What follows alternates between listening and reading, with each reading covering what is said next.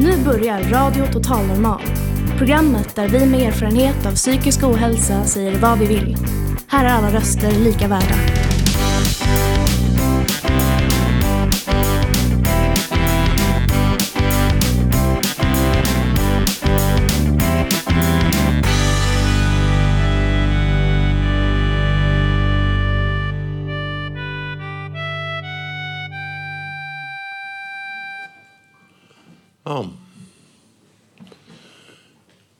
Hej alla ni som håller på och storknar. Här är Radio Total Normal, ditt psyke i etern. Vi sänder som vanligt från Fountain House Stockholm på Götgatan 38 i Stockholm. Och framför mig har jag en charmant publik. I dagens program blir ganska mycket poesi. Och vi gästas bland annat av poeten Kalle Eklund som är aktuell med diktsamlingen Som skrubbsåret om vintern. Det blir livemusik och en massa härliga inlägg om livet. Hjärtligt välkomna. Jag som är dagens programledare heter Stefan Persson.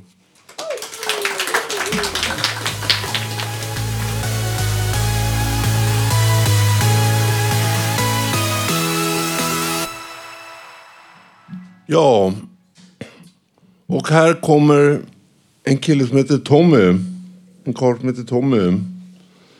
Eh, vad, hej Tommy. Vad ska du göra? Jag ska spela en låt av Evert Taube som heter Så skimrande var aldrig havet.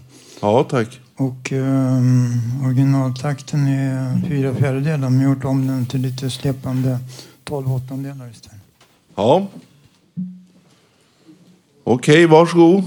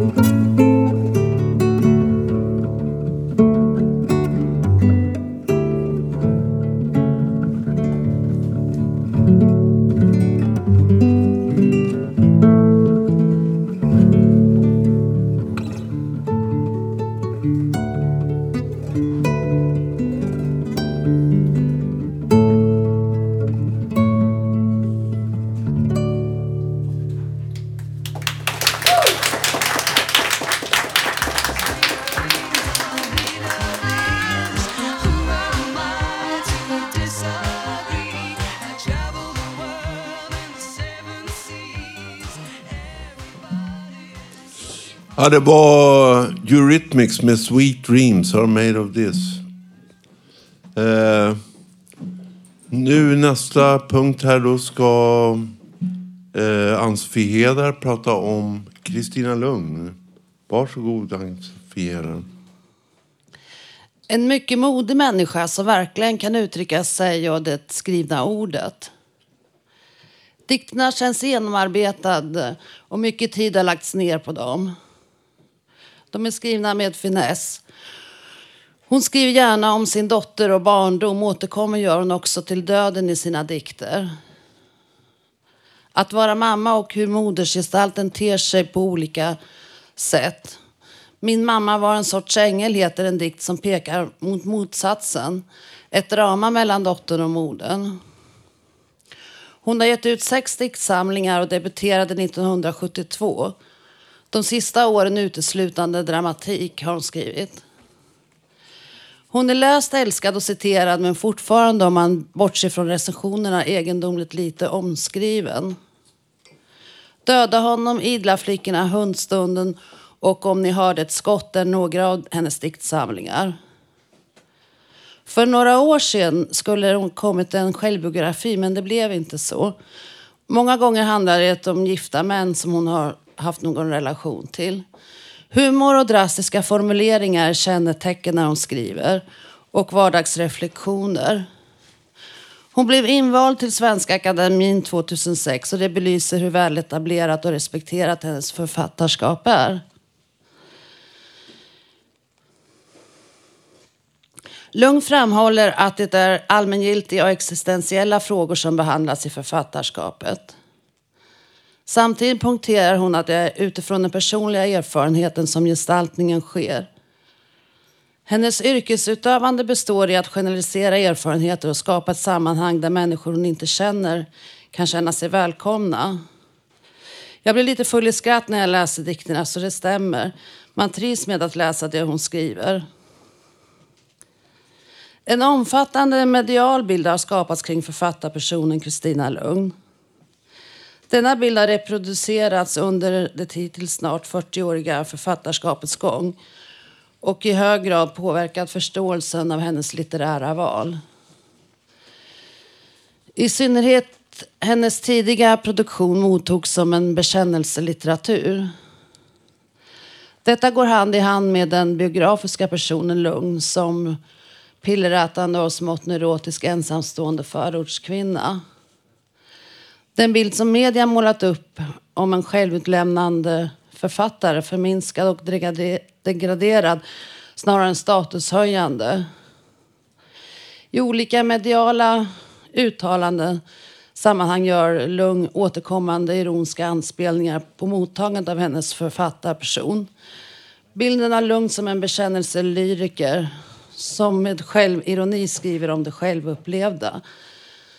Erfarenheterna har dock successivt kommit att förändras. Under författarskapets senare år har hon kommit att bli mer känd som författare. Mer erkänd som författare. Hon får genom formen också läsaren att uppleva språket som fristående. Dikterna är ofta korta, skarpa satser. Döden återkommer som kvinnlig skepnad. Jag rekommenderar som sagt att ni läser hennes verk. För andra som är intresserade så driver hon en teater på Brunnsgatan 4. Det som spelas där anknyter till verkligheten, till exempel författarintervjuer. Så tänkte jag avsluta med en av hennes dikter.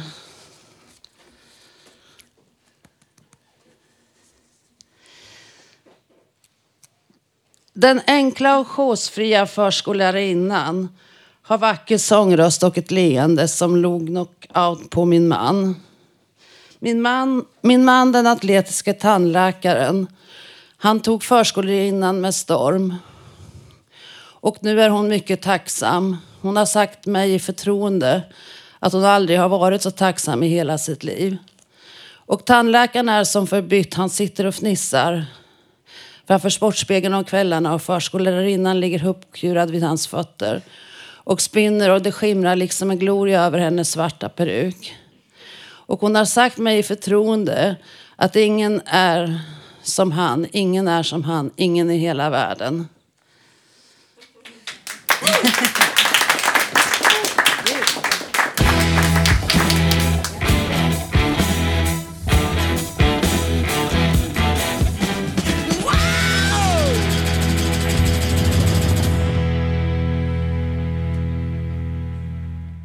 Ja, det där var T-Rex med Children of the Revolution. Nu ska vi ha en gäst här som heter Manuel. Manuel. Han ska prata om någonting tror jag. Ja, jag skulle prata om någonting. Vad, eh, Jag ska vad ska fila prata på om? lite. Nej, eller ska, skulle prata lite om min erfarenhet om att äh, flytta till Sverige med, med psykisk ohälsa. Ja, Ja. varsågod. Go ahead. Ja, det, det här började jag i 1998 när jag var 17. Jag kom till Sverige. Jag kom från en väldigt fattig bakgrund. Eh, jag hade en rätt... Jag var föräldralös och hade en rätt krånglig uppväxt dittills. Ja, vad man skulle kunna klara, kalla för... Det var vad man skulle kunna kalla för en problembarn. Och eh, alltså jag, jag kom till Sverige, jag kämpade väldigt mycket första par år på att lära mig språket. Jag ville gå läsa klart gymnasiet och jobba samtidigt och försöka, försöka komma in i livet här. Och det var möjligheter som jag hade missat tidigare i livet, så det, det kändes ganska bra. Men på den tiden så visste jag ingenting om, psyk om psykiatriska diagnoser. Jag hade ingen aning att det fanns. Eller ja, visst de fanns, men, men ingenting som berörde mig. Eh, jag har aldrig tyckte att det var någon fel. Alltså, alltid tyckt att det var något fel på mig, men jag skulle aldrig tro att det var en sjukdom. Ehm, jag hade haft mycket ångest hela min uppväxt. Jag hade lett mycket depressioner, jag gjorde mycket droger, jag drack mycket för att klara av vardagen. Så... När man, när man först levde här i Sverige, de första vintrarna var en helvete.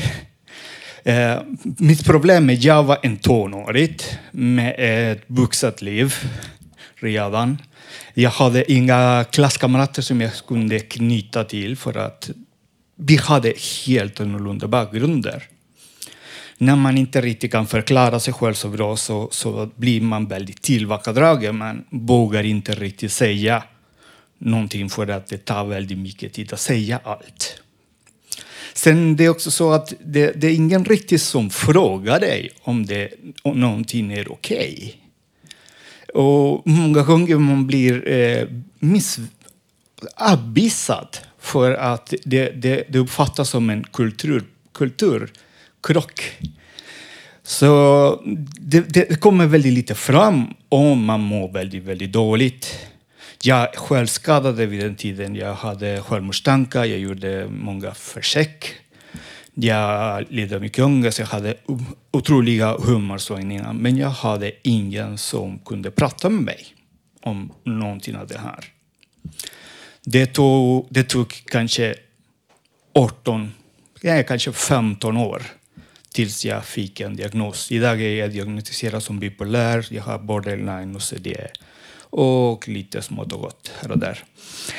Så, och på den tiden så hade jag ingen aning, ingen frågade någonting, ingen tyckte. Och saken är att de flesta människor, det var många jag träffade när jag läste på svenska, så det är, man har haft väldigt krångliga vägar hit. Det är väldigt många trauma och svårigheter som många människor har, inte har en aning om. Som många människor inte ens har tänkt sig man skulle kunna gå igenom. Jag kommer ihåg att det var 1999 när eh, mina klasskamrater hittades död under en bro i, i stan. Mm, förmodligen trycket var för stort och det fanns ingen, ingen att prata med. Och i de situationerna när man har inte så många människor omkring så blir det en fråga, kommer någon att sakna mig om jag inte har imorgon? Eller kommer någon att undra varför jag kom så sent idag? Eller varför måste man alltid ha lång, långa armar på tröjan? Även om det är sommar. Så, och på något sätt, för andra var det verkligen naturligt att till exempel man träffade, jag träffade kanske andra i samma ålder som gick i en vanlig gymnasium som fick väldigt mycket hjälp. Men för oss det var ingen som frågade. Och det var ingen som egentligen riktigt brydde sig om hur det var. Alltså själva flytta till ett nytt land när man är någorlunda ung är en trauma i sig själv. Vägen från därifrån hit kan också vara en väldigt, väldigt lång traumatisk väg. Så det är isoleringen. Och eh, den isolering som man egentligen sällan blir av med. Det finns alltid en bit av ditt liv som ingen annan kan förstå. Och det var det.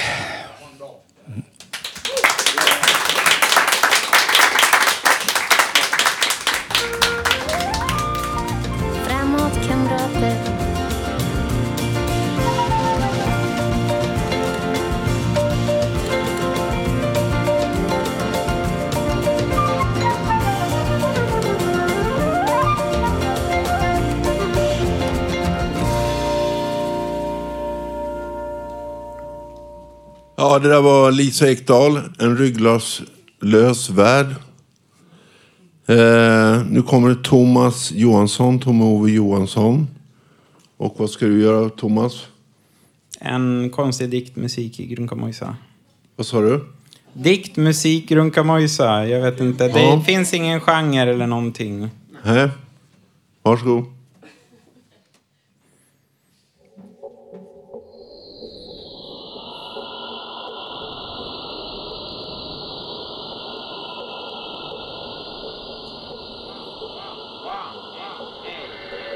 4 to 23. 43 to 21.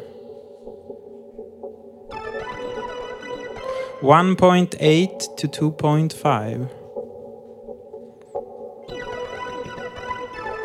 65 to 90. 0 to 8.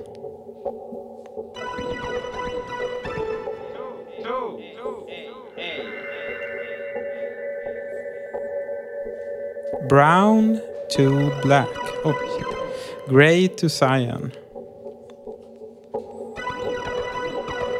Yellow to white. Blue to green. Pink to beige.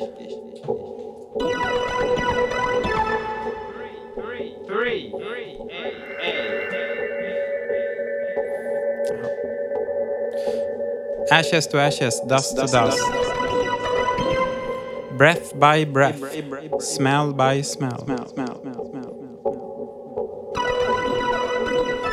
Hot to hot, warm to warm.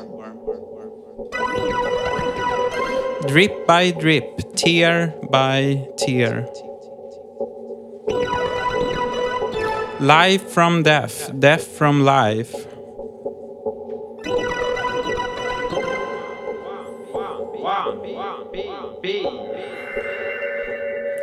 To coal, planet to planet. Cloud to cloud, eternal to here. Blaze by blaze, flame to flame. Ocean to ocean, sea to sea. You to me, I to we.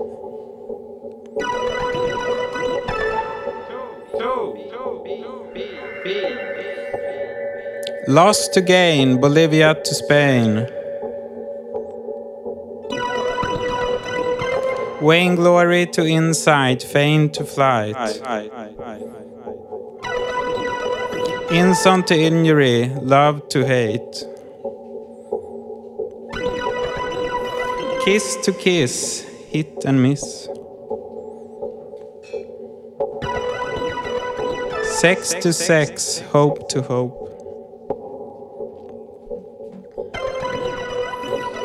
Chicken or egg, steal or beg.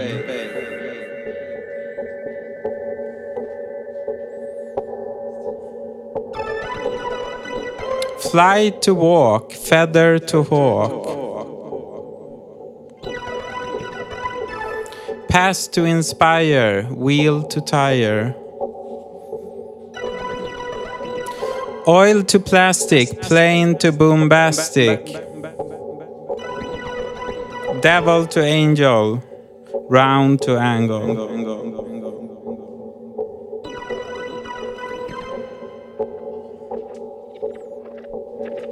Eh,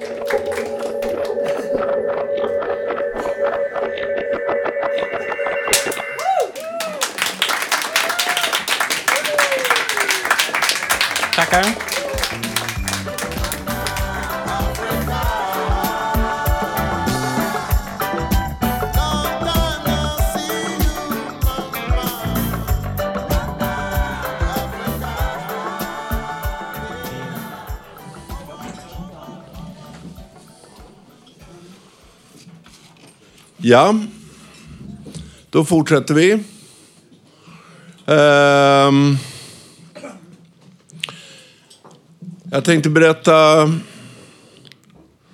om en eh, reflektion, eller vad ska, inte reflektion heller, egen eh, insikt. Eh, erfarenhet, egen erfarenhet, en insikt som jag skulle vilja berätta om, som jag Ska jag dela med mig. Eh, det handlar om att eh, om, eh, om man känner att man har för mycket intryck i livet här i världen. Man får för mycket intryck, man orkar inte med det. Men svårt att hantera vardagen eller livet på något vis. Svårt att hantera världen, livet. Sitt eget liv. Så att... Så skulle jag väl råda, för av min egen erfarenhet, att eh, man kan sitta och blunda. Och bara koncentrera sig och tänka på sig själv. Sitta och blunda och bara koncentrera, tänka på sig själv. Koncentrera sig på sig själv, fokusera på sig själv. Och Eh, då kan man alltid eh, fokusera på fantasier, drömmar, problem, problem man har. Eh, per människor, släkt, vänner. Problem man har. Så kan man... Eh, om man gör det så kan man eh, få en större självkännedom. Det blir, och det kan bli lättare att hantera vardagen och, och, och eh, resten av livet. Och eh, ja, det var bara det jag skulle säga. Så att, ja. Tack. Ehm. Ehm. Ehm.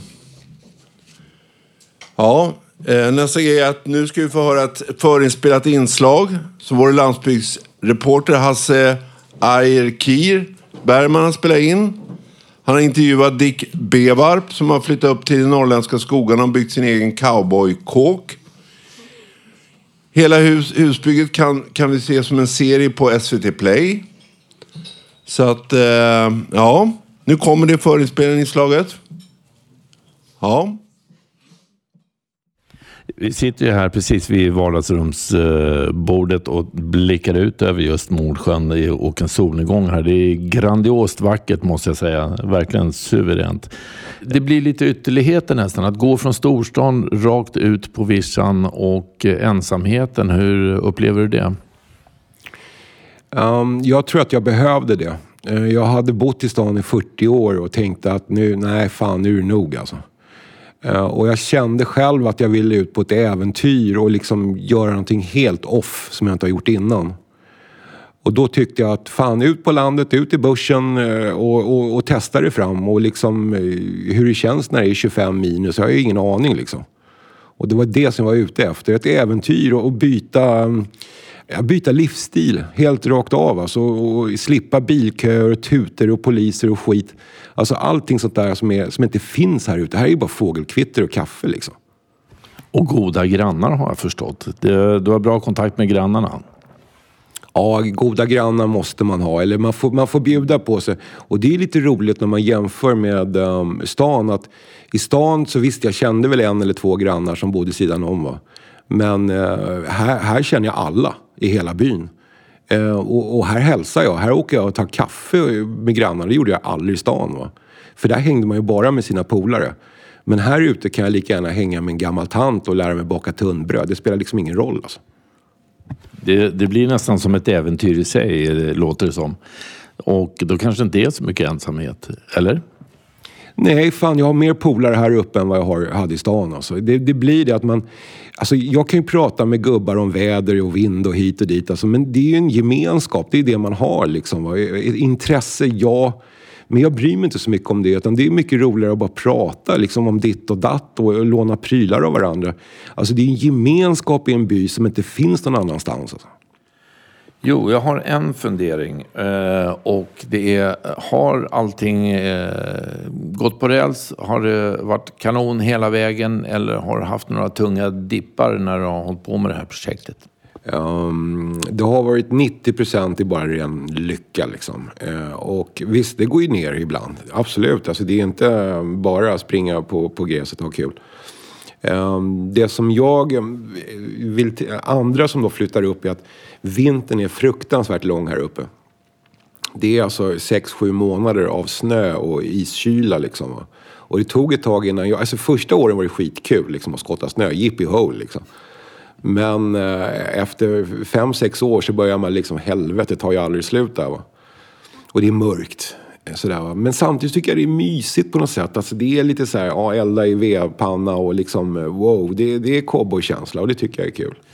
Det som också hände mig var ju det att efter när jag hade byggt klart kåken så var det, mm, jag hade ju jobbat då i tre år eh, 14 timmar om dagen. Jag var liksom över um, Superman-dude liksom. Så jag kände att när jag var klar med kåken att jag inte hade några projekt utan jag kunde bara gå runt och titta. Va? Och då slog det till i mitt huvud. Då blev jag lite sådär att vad fan är det som händer? Vet du? För jag har ju aldrig haft en kris i mitt liv. Liksom. Jag tänkte vad fan. Men jag hade ju aldrig tänkt på vad som har hänt när man har kommit i mål. Alltså jag har aldrig funderat på det utan alltid när jag har kommit i mål så är det något annat projekt som är så här, va? Men nu var det slut va. Och då kände jag att då, då gick jag ner med den vintern efter när jag blev klar med kåken. Alltså då blev jag jävligt deppig och skit och fick prata med psykologer och käka tabletter och skit. Va? Eh, Men det var ju ganska naturligt som hon berättade för mig att ja, men du, du har ju kommit i mål. Liksom. Du har ju, det är som att gå i pension. Va? Du har ju inte förstått innebörden vad du har gjort. Liksom. Så att efter ett tag, det tog ju några månader när jag fattade att ja, men fan, det, så här är det. Liksom. Och då börjar man acceptera det och liksom, då börjar man se på andra grejer. Liksom, ja, men fan, gå ner och fiska lite då. Eller skotta snö, skotta en stig. Eller, alltså, man gör grejer som, som, eh, som kanske är bagateller men det är ju bara för att få det att snurra, liksom, att ha någonting att göra. Va? Så efter det så har jag lärt mig hur det funkar på vintern och, och just att ha nya mål. Va? Det är det det handlar om. Nya mål hela tiden. Du är aldrig sugen på liksom att glida in på ett schysst fik, liksom en, eh, en, en glättig kaffelatte eller något sånt här och hänga med polarna och sådär? Eh, nej, jag har inte det. Och, eh, alltså, jag, åker jag till stan, som nu är stan i Östersund här uppe. Så um, jag får lite ångest direkt när jag kommer ut på ett köpcenter. Liksom. Jag, jag vill bara handla och gå därifrån. Vet du, för att det, är, det är köer där också vet du, och, och bilar överallt. Ehm, jag tycker det är jävligt jobbigt. Ehm, det, eh, det ska inte vara så. Det, ska inte, alltså det är fel. Alltså hela skiten är fel. Liksom. Um, ute på landet så har du, du har det bra. Du, du är dig själv. Du behöver inte kämpa i korsningar, ingenting. Va? Du, du går och strosar och gör din grej. Och det, det är det det handlar om. Gör din grej för fan.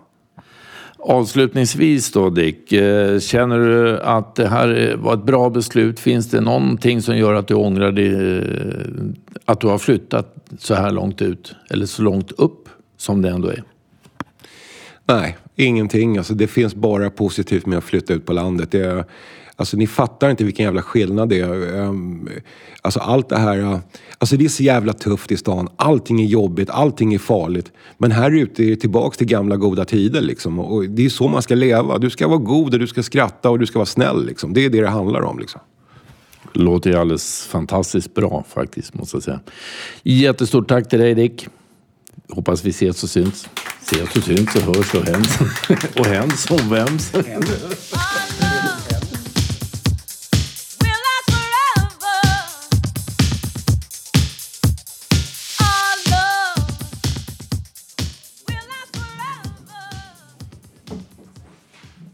Ja. Eh, föregående inslag. Gör din egen grej. Eh, nu kommer Kristina Weideskog med piano och sång.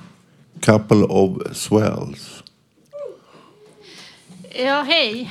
Eh, som sagt var, Irving Berlin eh, spelar väldigt ofta till eh, Fred Astaires eh, eh, bi, eh, eh, filmer. Och eh, som sagt var, de handlar ofta om att bli artist och sådär. Och här sjunger de till exempel vi, vi går på Avenyn men vi, vi har inte vunnit priset och uh, vi, vi åker skridskor på Avenyn men vi har inga skridskor. Eh, som sagt var, nu känns det som att allt som kan gå i skogen går i skogen men jag ska försöka i alla fall.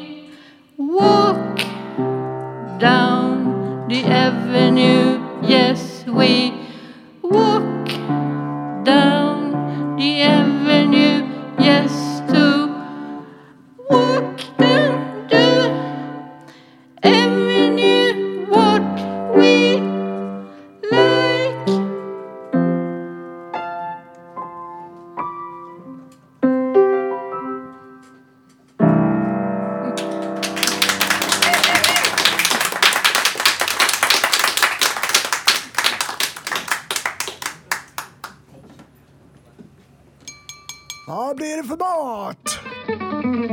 Radio Total Normals egen radiokock Håkan Eriksson delar med sig av ett mycket smarrigt mattips. Mums filibabba.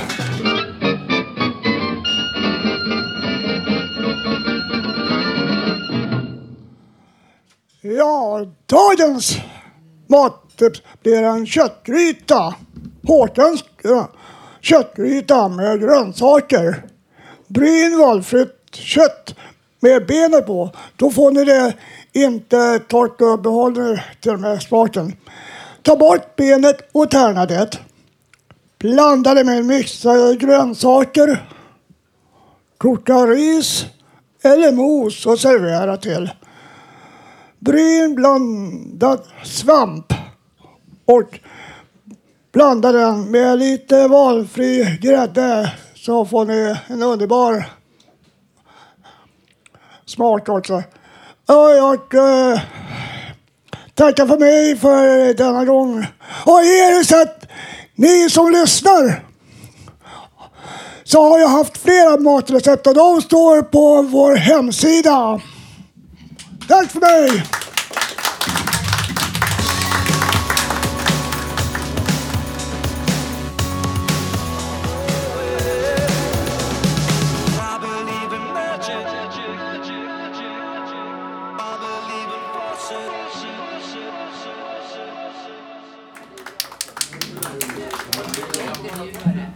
Ja, nu ska jag ha en liveintervju. Och eh, Lilian kommer intervjua här. Poeten Kalle Eklund. Som, som kommer läsa en dikt också. Mm. Hej Kalle. Hej! Eh, du är här för att du är aktuell med en diktsamling som heter Som skrubbsåret om vintern. Vad en lustig titel. Kan du berätta lite om den?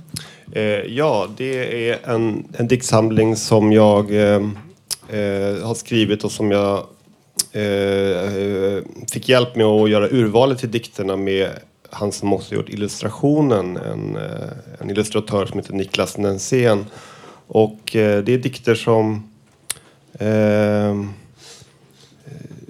kan man säga, uttrycker min syn på världen. Okej. Vad betyder skrivandet för dig? Ja, det betyder väldigt mycket.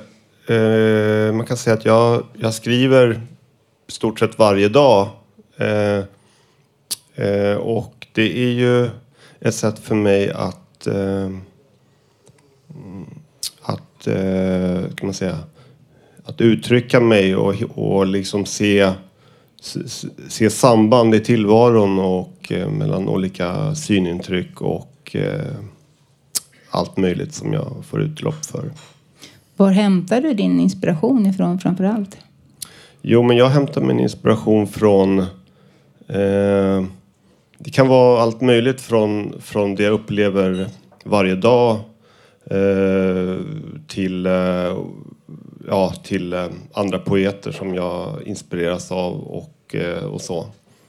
Det brukar vara så att jag brukar se till det som både är närvarande och frånvarande i mitt liv. Om jag till exempel går ner på gatan och så ser jag en röd bil så tänker jag inte bara på att den ser gammal ut eller att den är av den här storleken utan jag tänker kanske på att någon körde den ner från Norrland genom regnet och någon lutade sig mot den och började gråta eller så jag försöker liksom eh, se både det, det som är synligt och det som inte är lika kännbart. Mm. Du får alltså massa bilder och tankar och föreställningar om det du ser och så blir det en liten historia kring det. Absolut. Mm. Skulle du sitta på ett café så skulle du alltså tänka dig in i var de människorna kommer ifrån och vad de har för relationer. De sitter där och pratar kanske och sådana där saker. Absolut, det skulle jag göra också. Ja. Ja. Mm. Mm. Eh, jag, eh, hur går det till när du skriver? I en artikel i Kommunalarbetaren så läste jag att du undersöker fantasins gränser. Mm. Vad innebär det? Jo, men det, det går ju till eh, så att jag, att jag sätter mig eh, ofta och skriver. Eh, jag skriver antingen då för hand eller så skriver jag på min, eh, på min telefon direkt. Att jag skriver in det direkt, eh, dikten.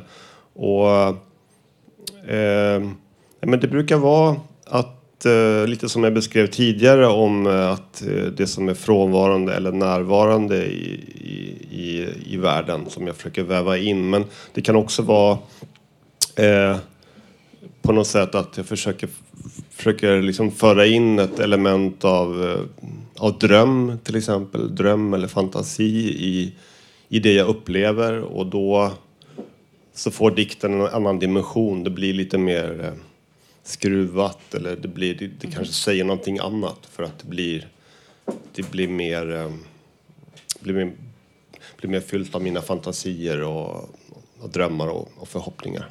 Är det lite som fritt skrivande, att det som kommer i stunden bara får flöda ur dig? Eller? Ja, lite så, men det är också kanske ganska mycket att jag, att jag, att jag försöker hålla det ganska kort och kärnfullt också. Och så. Men, eh, men just associationerna och bilderna ska vara så fria som möjligt. Ja. Hur länge har du hållit på att skriva så här? Ja, men jag har skrivit eh, kanske sedan jag var ja, i 15-årsåldern i alla fall. Mm. Så har jag skrivit. Men, eh, så det har varit olika, olika mycket då. Mm. Just nu så skriver jag egentligen ja, varje dag. Är det här den första boken du ger ut eller har du gett ut Jag böcker har, gett ut, tidigare? jag har gett ut en bok eh, 2009 som hette Spindelkransen växer. Mm. Eh, så det här är min andra bok. Okej. Var kan man få tag på dina böcker? Ja, de går att beställa på nätbokhandlar som Adlibris och Bokus på nätet. Och, och så kan man också gå in på hemsidan för, eh, för förlaget. Alltså www.styxforlag.se Styx. Styx som- STYX eller? Precis, Mm. STYX, precis. Okej. Kan vi få höra lite smakprov på Absolut, hur det låter? absolut.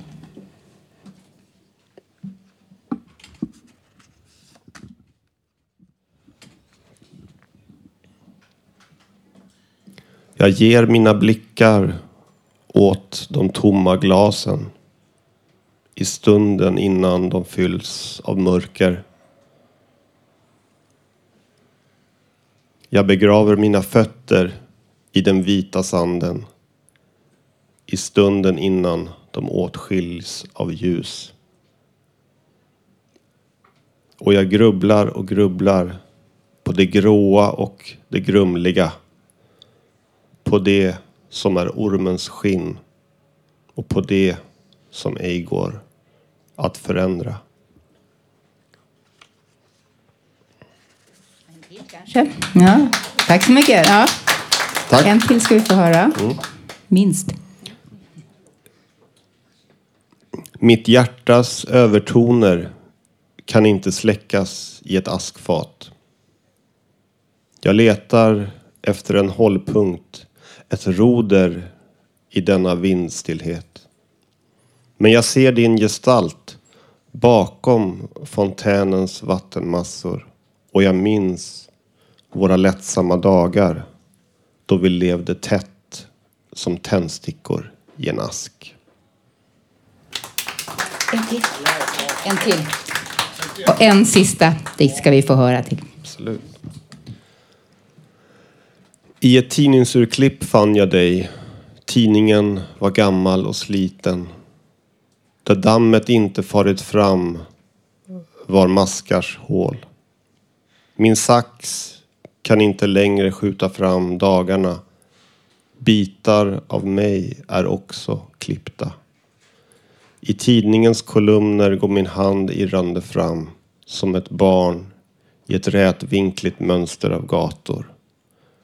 På bilden visar du dina två födelsemärken och dina handleder som leker i sanden.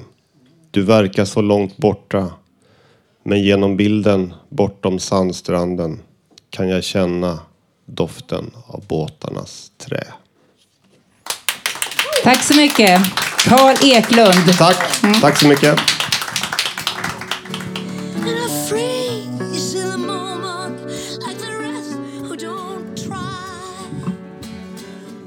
Mm. Tack för det. Nu ska vi ha lite prat om, liveprat om tiden. Eh, Ged ska prata om tiden, eller? Ja. Ja. i korta drag. Varsågod. Tiden väntar inte på någon. Tiden tycks rinna iväg. Jag har så många saker att göra, men så lite tid. Tänk om tid kunde köpas. Kan inte vara kre- bara vara kreativ, måste vara produktiv också. Jag älskar att läsa, men läsa, men att läsa tar tid.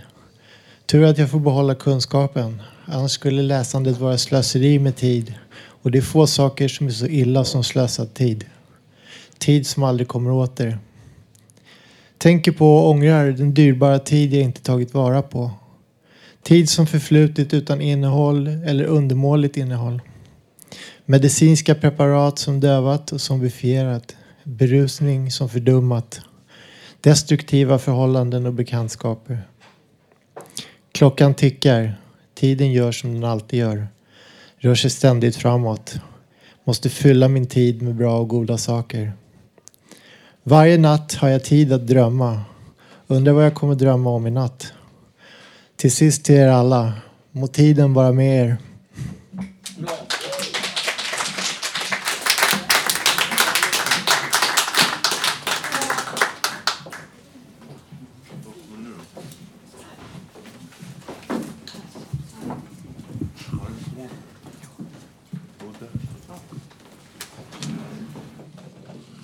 Ja, tack för det, Jed. Nu kommer eh, Sari med en låt, livesång. Ja, hon ska sjunga. Ja, hon ska sjunga. Vad ska du sjunga, Sari? Jag ska sjunga Sweat med Inner Circle. Ja, Tack. okej. Va? A la la la la long, a la la la long, long, long, long, long, come on. A la la la long, a la la la la long, long, long, long, long. Standing across the room, I saw you smile.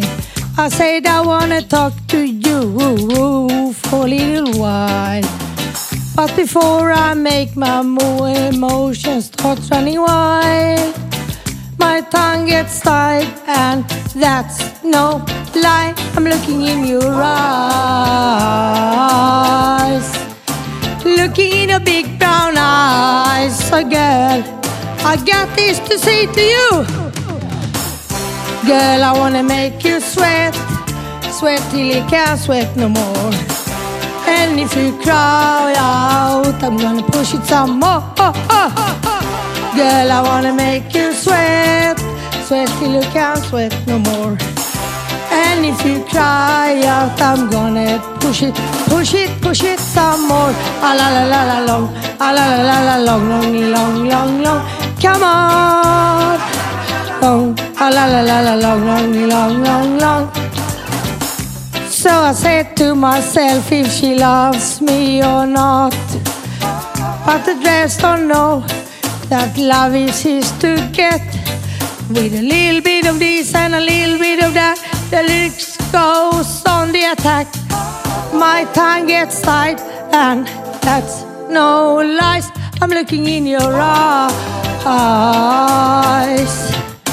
looking in your big brown eyes. Oh, girl, I got this to say to you, you. Girl, I wanna make you sweat sweat till you can't sweat no more. And if you cry out, I'm gonna push it some more. Oh, oh. Girl, I wanna make you sweat, sweat till you can't sweat no more. And if you cry out, gonna push it, push it, push it some more. Ah, la la la la long, la la la long, long, long. Come on, ah, la la la la long, ah, la la la la long, long, long, long. One more time. La la la la. A la la la la long, long, long, long. Sing it. La la la la long. La la long, long, long, long. Yeah, yeah.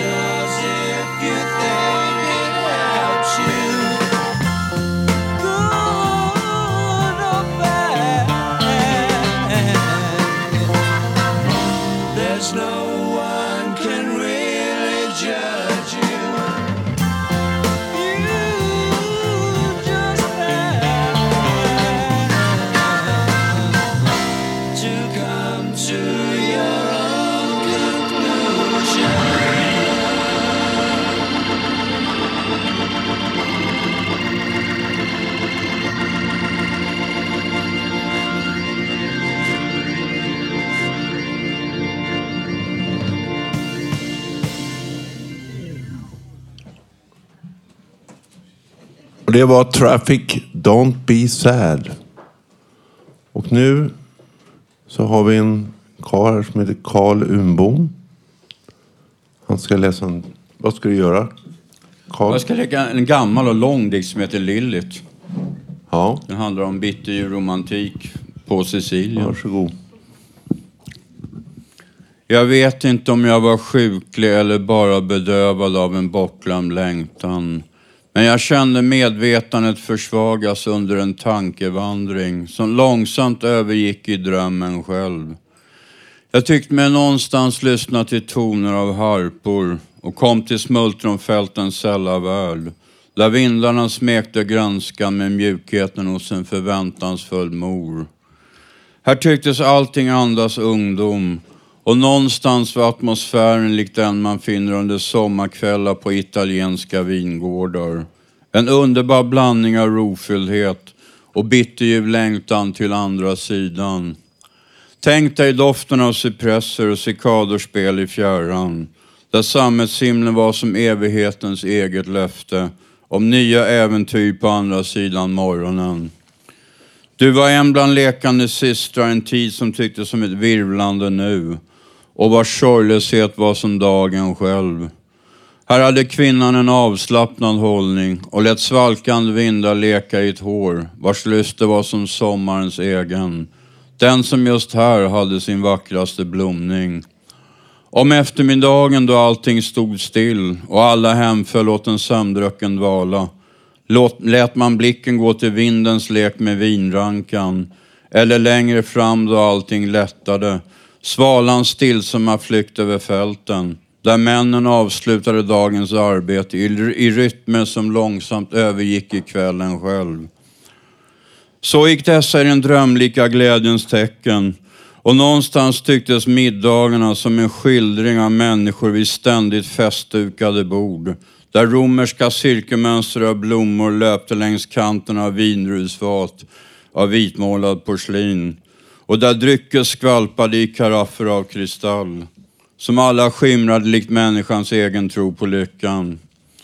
Även du drack päronsider i värmen och lät sinnet förföras av ett rus som sakta omvandlade samtalen till ett slags sövande mummel och som just därigenom talade om närvaron av en annan värld.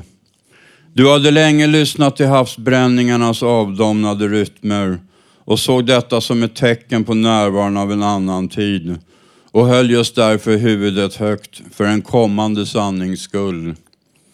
I din panna såg jag tecken på begynnande insikt och havssträndernas egna linjer av sammetsmjuk visdom.